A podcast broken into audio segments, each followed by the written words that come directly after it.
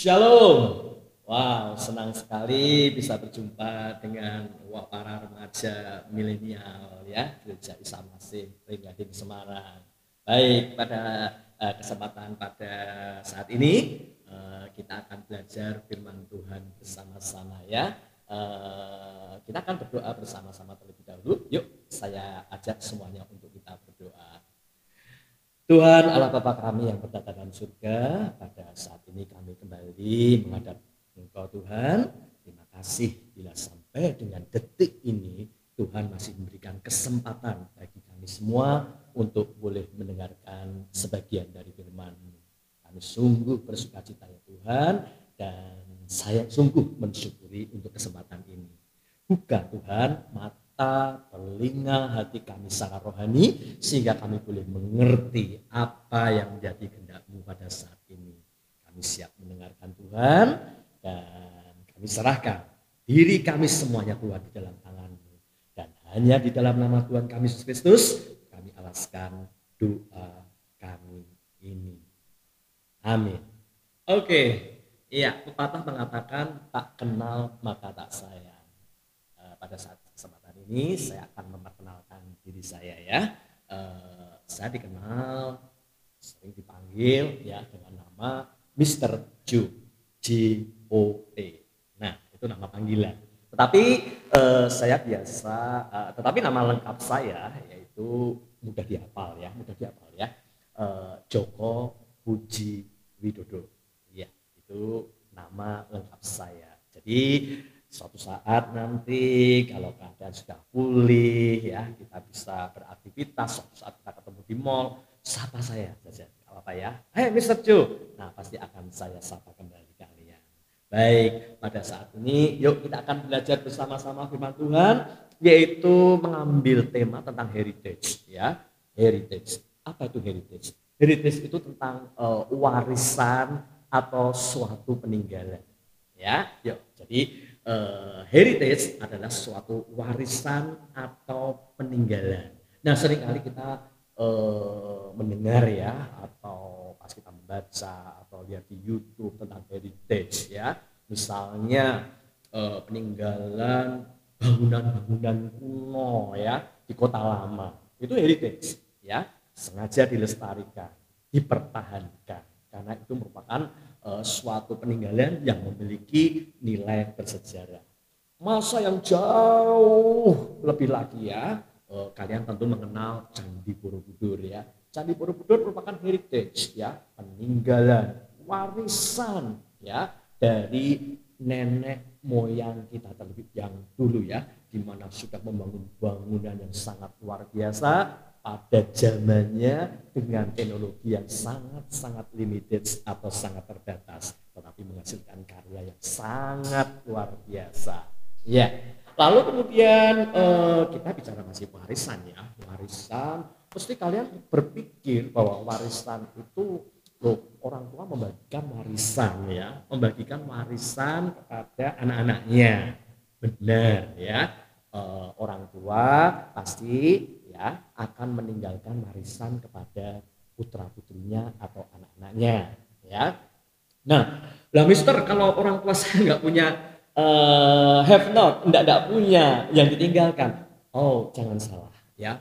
Warisan tidak selalu berupa materi ya warisan juga bisa berwujud non materi. Nah, apa misalnya? Misalnya ya, kalau tadi bisa mengatakan warisan berbentuk materi, misalnya tadi peninggalan bangunan-bangunan kuno, oh, candi, ya. Nah, tapi kalau uh, non uh, material di sini ya, yang bukan bentuknya materi, materi bisa juga itu uh, berbentuk didikan, moral, ajaran. Ini merupakan bentuk warisan juga ya yang diberikan kepada kita semua. Nah, lalu kita akan uh, sekarang belajar uh, warisan apa ya kaitannya di dalam Alkitab kita ini ya, dalam Alkitab kita ini. Nah, par, uh, kita tentu mengenal kisah tentang Abraham, Musa, Joshua dan selanjutnya ya tokoh-tokoh dalam Alkitab banyak disinggung berkaitan dengan kehidupan warisan ya Misalnya ya eh, tanah Kanaan menjadi warisan dari bangsa Israel. Ya.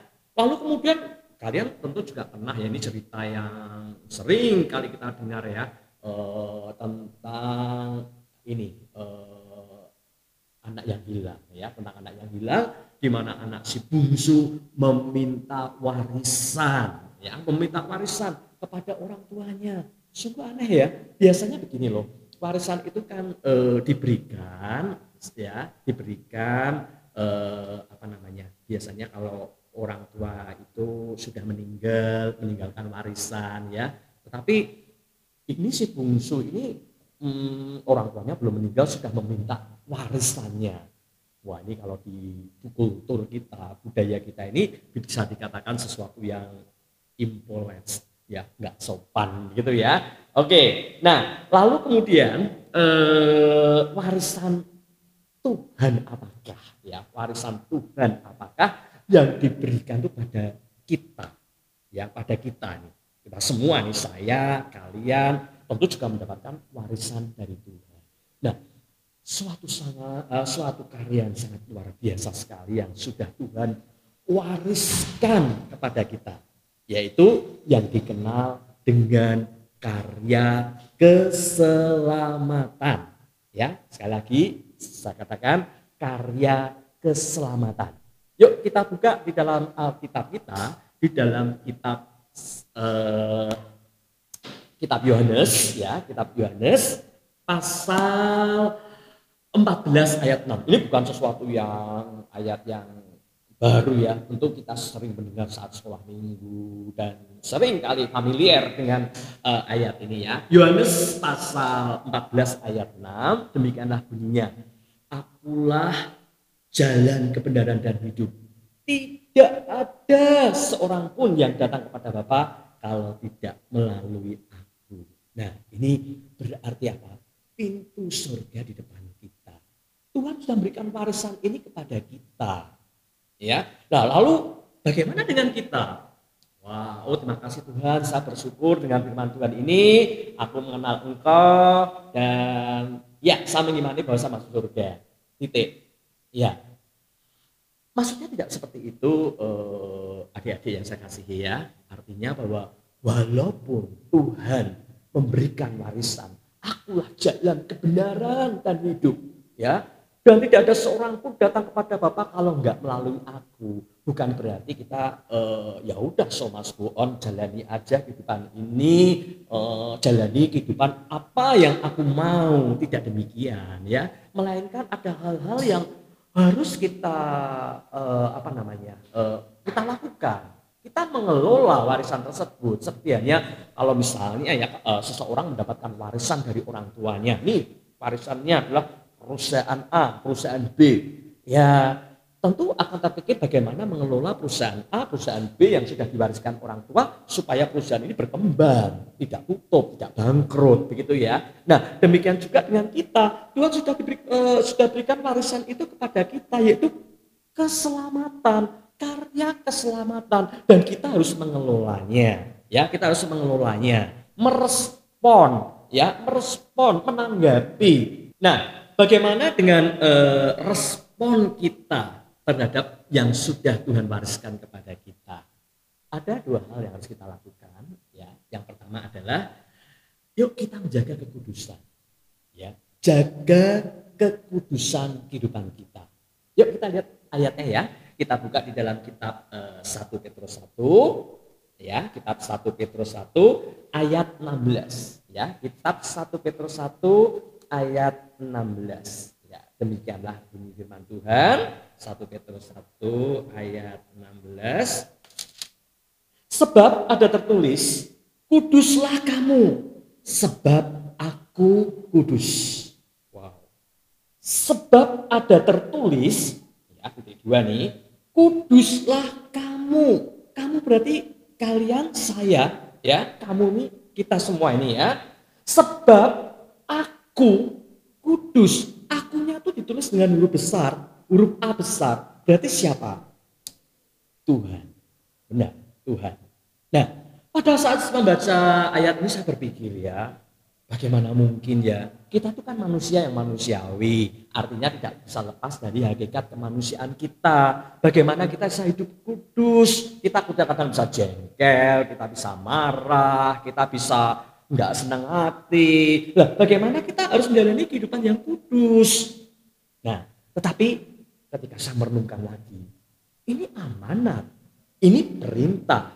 Mau dan tidak mau jawabnya harus mau kuduslah kamu sebab aku ini kudus. Tuhan mewariskan kerajaan surga bagi kita.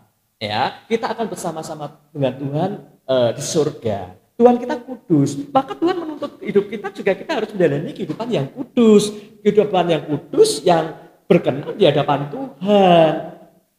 Kehidupan yang kudus berarti kehidupan yang bersih dari dosa. Ya nah jadi eh, ini suatu perintah yang mau tidak mau harus kita lakukan kita laksanakan. Lah bagaimana Mister melakukannya? Nah ada tiga hal nih ya. Yang pertama kita harus kudus di dalam pikiran kita. Ya pikiran kita ini brain kita ini harus yang kudus ya nah misalnya apa yang enggak kudus itu misalnya kita uh, berpikir ya oh, misalnya begini uh, kita merencanakan sesuatu yang buruk untuk orang lain. Ya suatu saat misalnya ketika kamu sedang hmm, dikunjungi teman kamu ya. Atau sedang di chat ya lewat uh, WhatsApp teman kamu, eh tahu enggak kamu ngomongin sama si ini tuh gini gini gini gini loh, gini gini gini gini loh. Sesuatu yang uh, negatif gitu ya negatif ya. Nah lalu kemudian kamu merespon masa sih dia ngomongin aku begitu? Oh terus kamu dalam pikiran awas ya nanti kalau next kalau aku ketemu oh, awas uh, sudah merancang kata-kata atau perbuatan yang akan kamu lakukan untuk membalas itu adalah sesuatu pikiran yang tidak kudus ya. Suatu pikiran yang tidak bersih dan Allah tidak berkenan ya. Nah pikiran kita harus pikiran yang kudus itu ya. Nah oke okay. lalu kemudian apa lagi Mister? Ya yang kedua adalah kita harus menjalani hidup kehidupan yang kudus melalui perkataan kita ya perkataan kita ya. Jadi eh, apa yang keluar dari bibir dan mulut kita ya itu mencerminkan kepribadian kita kok ya. Kita bisa tahu sosok pribadi seseorang dari dia bicara ya. Isi dalam dirinya itu apa itu kita bisa tahu ya. Eh, kalian apa ya coba eh, kalian bayangkan suatu botol ya. Botol boleh ya botol atau gelas juga boleh deh ya. Botol maupun gelas ya. Ini diisi oleh air diisi dengan air diisi dengan air. Air putih nih air putih. Nah diisi sampai naik naik naik airnya sampai ujung gelas ya. Dan diisi lagi maka akan tumpah ya. Atau orang Semarang bilang bleber ya atau bluber gitu ya. Airnya tumpah. Nah demikian juga dengan eh, kita bisa tahu pribadi seseorang ya apa yang ada di dalam pikirannya ya itu akan keluar lewat kata-kata ya akan lewat keluar lewat kata-katanya ya. Misalnya begini eh, orang itu senang ikutin sinetron ya. Sinetron di TV yang lagi hit misalnya ya. Wah sinetron ikatan cinta begitu ya. Dia ikutin terus tonton terus dan nanti kalau dia akan ketemu atau ngecat temennya dia akan ngomong ih kasihan ya. Aduh kamu kemarin nih kok si ini gini-gini ya menceritakan apa yang dia tonton. Nah meluap ya meluap. Demikian juga nih ini kaum pria nih kaum, kaum pria itu sukanya pasti bola ya. Kalau ada event kejuaraan apa nih bola uh, piala entah itu piala Eropa atau piala dunia ya. Wah pasti berita-berita mengenai sepak bola diikuti sampai kalau uh, live siaran langsung malam hari pun ditonton ya. Nggak peduli mulainya jam 2 malam ya. Nah ditonton. Dan apa? Uh, karena ter apa ini? Uh, karena menyukai dan mengikuti terus ulasannya diikuti berita di koran baca tentang uh, apa itu tentang bola atau kiriman-kiriman apa namanya bacaan-bacaan ya uh, diviralkan begitu ya. Dia baca dia baca tentang bola dan kemudian nanti kalau dia ketemu dengan orang ya dia juga akan bicara mengenai bola. Itu eh kamu kemarin nonton nggak? Wih seru banget loh. Wah gini wah. Ya dan akan cerita. Nah jadi kalau uh, di brand kita diisi sesuatu yang bersih ya sesuatu yang uh, ya katakan ini ya Alkitab kita ini ya firman Tuhan. Diisi firman Tuhan diisi firman Tuhan diisi firman Tuhan. Kita belajar ya firman Tuhan. Kita dengarkan siaran uh, khotbah uh, secara mungkin audio maupun maupun video ya. Kita baca artikel-artikel rohani kita baca kita ikut persekutuan walaupun secara uh, online gitu ya. Diisi firman Tuhan diisi firman Tuhan maka suatu saat kita pun ketemu dengan teman keluar keluarlah firman Tuhan dari bibir dan mulut kita. Amin. Ya mari. Biarlah perkataan yang keluar dari bibir dan mulut kita adalah perkataan yang berkenan di hadapan Tuhan. Bukan perkataan sampah, bukan perkataan yang nggak berguna, perkataan yang aduh nggak sampah itu nggak berguna dibuang e, dibakar ya. Nah kehidupan kita harus berkenan e, bagi orang lain. Lalu kemudian yang ketiga adalah perbuatan ya di mana e, kita setiap saat, setiap waktu, di mana saja dan kapan saja akan melakukan satu perbuatan. Ya, nah jadilah orang yang bijak, jadilah orang yang bijaksana. Orang bijaksana itu yang bagaimana, toh, Mister? Orang bijaksana adalah orang yang ngerti mana yang baik dan mana yang buruk, mana yang harus dilakukan, mana yang nggak boleh dilakukan. Itu namanya orang bijaksana. Ya, Nah, makanya oleh karena itu jadilah orang bijak. Dia tahu kalau oh itu enggak boleh. Tuhan mengatakan janganlah memiliki milik sesama sama manusia secara enggak adil atau dengan kata lain mencuri. Oh jangan lakukan mencuri karena kita tahu, kita tahu enggak boleh dan jangan dilakukan. Maka jadilah kita orang yang bijak. Oke ya. Baik, lalu kemudian eh, bagaimana kita merespon warisan Tuhan yang kedua ya? Merespon warisan Tuhan. Yang kedua, kalau tadi yang pertama saya mengatakan kita harus menjaga kekudusan kehidupan kita. Ya, sehingga Tuhan berkenan atas hidup kita. Lalu yang kedua, ya, yang kita lakukan adalah eh, apa pun yang kita perbuat, ya, apa pun yang kita perbuat, ya, perbuatlah dengan segenap hatimu seperti untuk Tuhan. Yuk kita buka di dalam kitab kita, kitab eh, Kolose 3 ayat 23. Oke, boleh dilihat ya. Kolose 3 ayat 23. Ya. Baik, saya bacakan di sini. Ya, Kolose 3 ayat 23. Apa pun juga yang kamu perbuat, perbuatlah dengan segenap hatimu seperti untuk Tuhan dan bukan untuk manusia. Iya, luar biasa sekali. Jadi eh, apa pun yang kita lakukan, yuk lakukan untuk Tuhan ya. Nah pasti eh, apa namanya? Perilakumu perilaku kalian atau aktivitas kalian akan berubah. Jika kalian memikirkan oh aku tuh melakukan untuk apa sih? Ya. Untuk saya sendiri atau untuk Tuhan ya nah di bidang apa pun yuk apa pun yang kamu lakukan lakukanlah itu untuk Tuhan ya Misal contoh kalian ini remaja-remaja nih ya, remaja-remaja sebagai seorang pelajar, sebagai seorang mahasiswa, ya. Nah, atau apa pun ya, status kalian sebagai seorang pelajar ya. Nah, eh, tugas kalian adalah belajar. Ya, belajar kalau suatu saat yang muncul akan rasa eh, aduh rasanya aku ogah-ogahan ya, aku rasanya kok males ya hari ini ya, aku rasanya suntuk ya, aku rasanya ogah-ogahan. Lalu cobalah ingat ayat ini. Apa pun yang kau perbuat, perbuatlah dengan segenap hatimu seperti untuk Tuhan. Ya, kamu pikir, kamu berpikir ini Tuhan sudah berkati kamu. Ya, Tuhan sudah berkati kalian. Aku bisa sekolah, aku bisa uh, sekolah ini karena kasih Tuhan. Orang tua saya diberkati oleh Tuhan melalui berkat-berkat di mana bisa membiayai kehidupan saya, saya bisa sekolah. Kalau saya sekolah cuma asal-asalan sekolah, udahlah pokoknya saya sekolah gitu ya.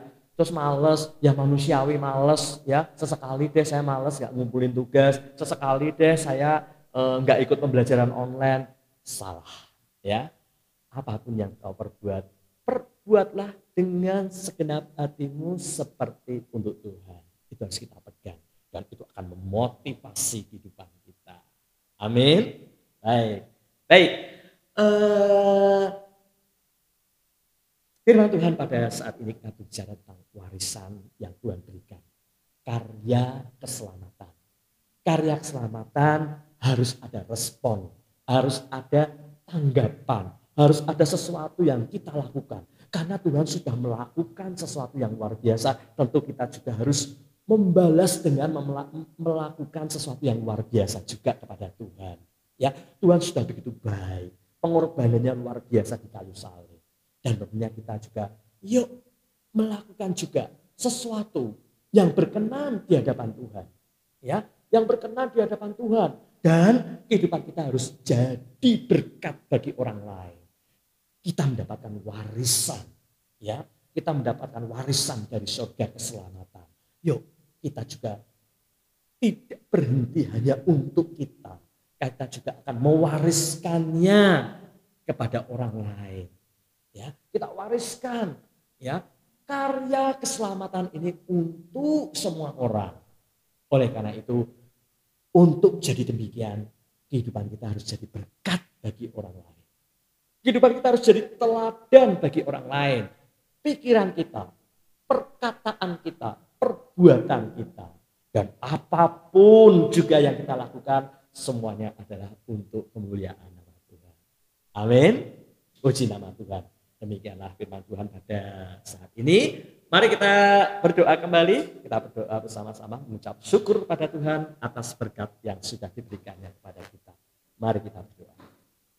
Tuhan Allah Bapa kami yang berada dalam surga, terima kasih untuk berkatmu pada saat ini Tuhan, di mana Engkau mengingatkan kembali bahwa warisan telah kau berikan kami semua Tuhan, surga tersedia di depan kami. Kami harus meresponi, melakukan sesuatu di mana Engkau berkenan atas kehidupan kami. Dan juga terima kasih Tuhan, Kau ingatkan kami untuk kehidupan kami boleh jadi berkat. Kami juga harus membagikan warisan ini kepada saudara-saudara kami. Supaya mengenal Engkau, supaya mengikut Engkau. Melalui kesaksian-kesaksian kami Tuhan. Setiap apa pun yang kami lakukan oleh karena itu Tuhan, tuntun kami, gandeng kami dalam menjalani kehidupan ini sehingga kami boleh jadi berkat. Kami tidak jatuh dalam dosa Tuhan, melainkan kehidupan kami berkenan di hadapan Terima kasih Tuhan, terima kasih menteraikan firman-Mu dalam kehidupan kami dan boleh kami wujudkan dalam kehidupan kami sehari Terima kasih Tuhan, akhirnya kami serahkan diri kami semuanya di dalam tanganmu. Dan hanya di dalam nama Tuhan kami Yesus Kristus, kami alaskan doa kami ini. Amin. Baik, terima kasih semuanya. Tuhan senantiasa memberkati kita semua. Shalom.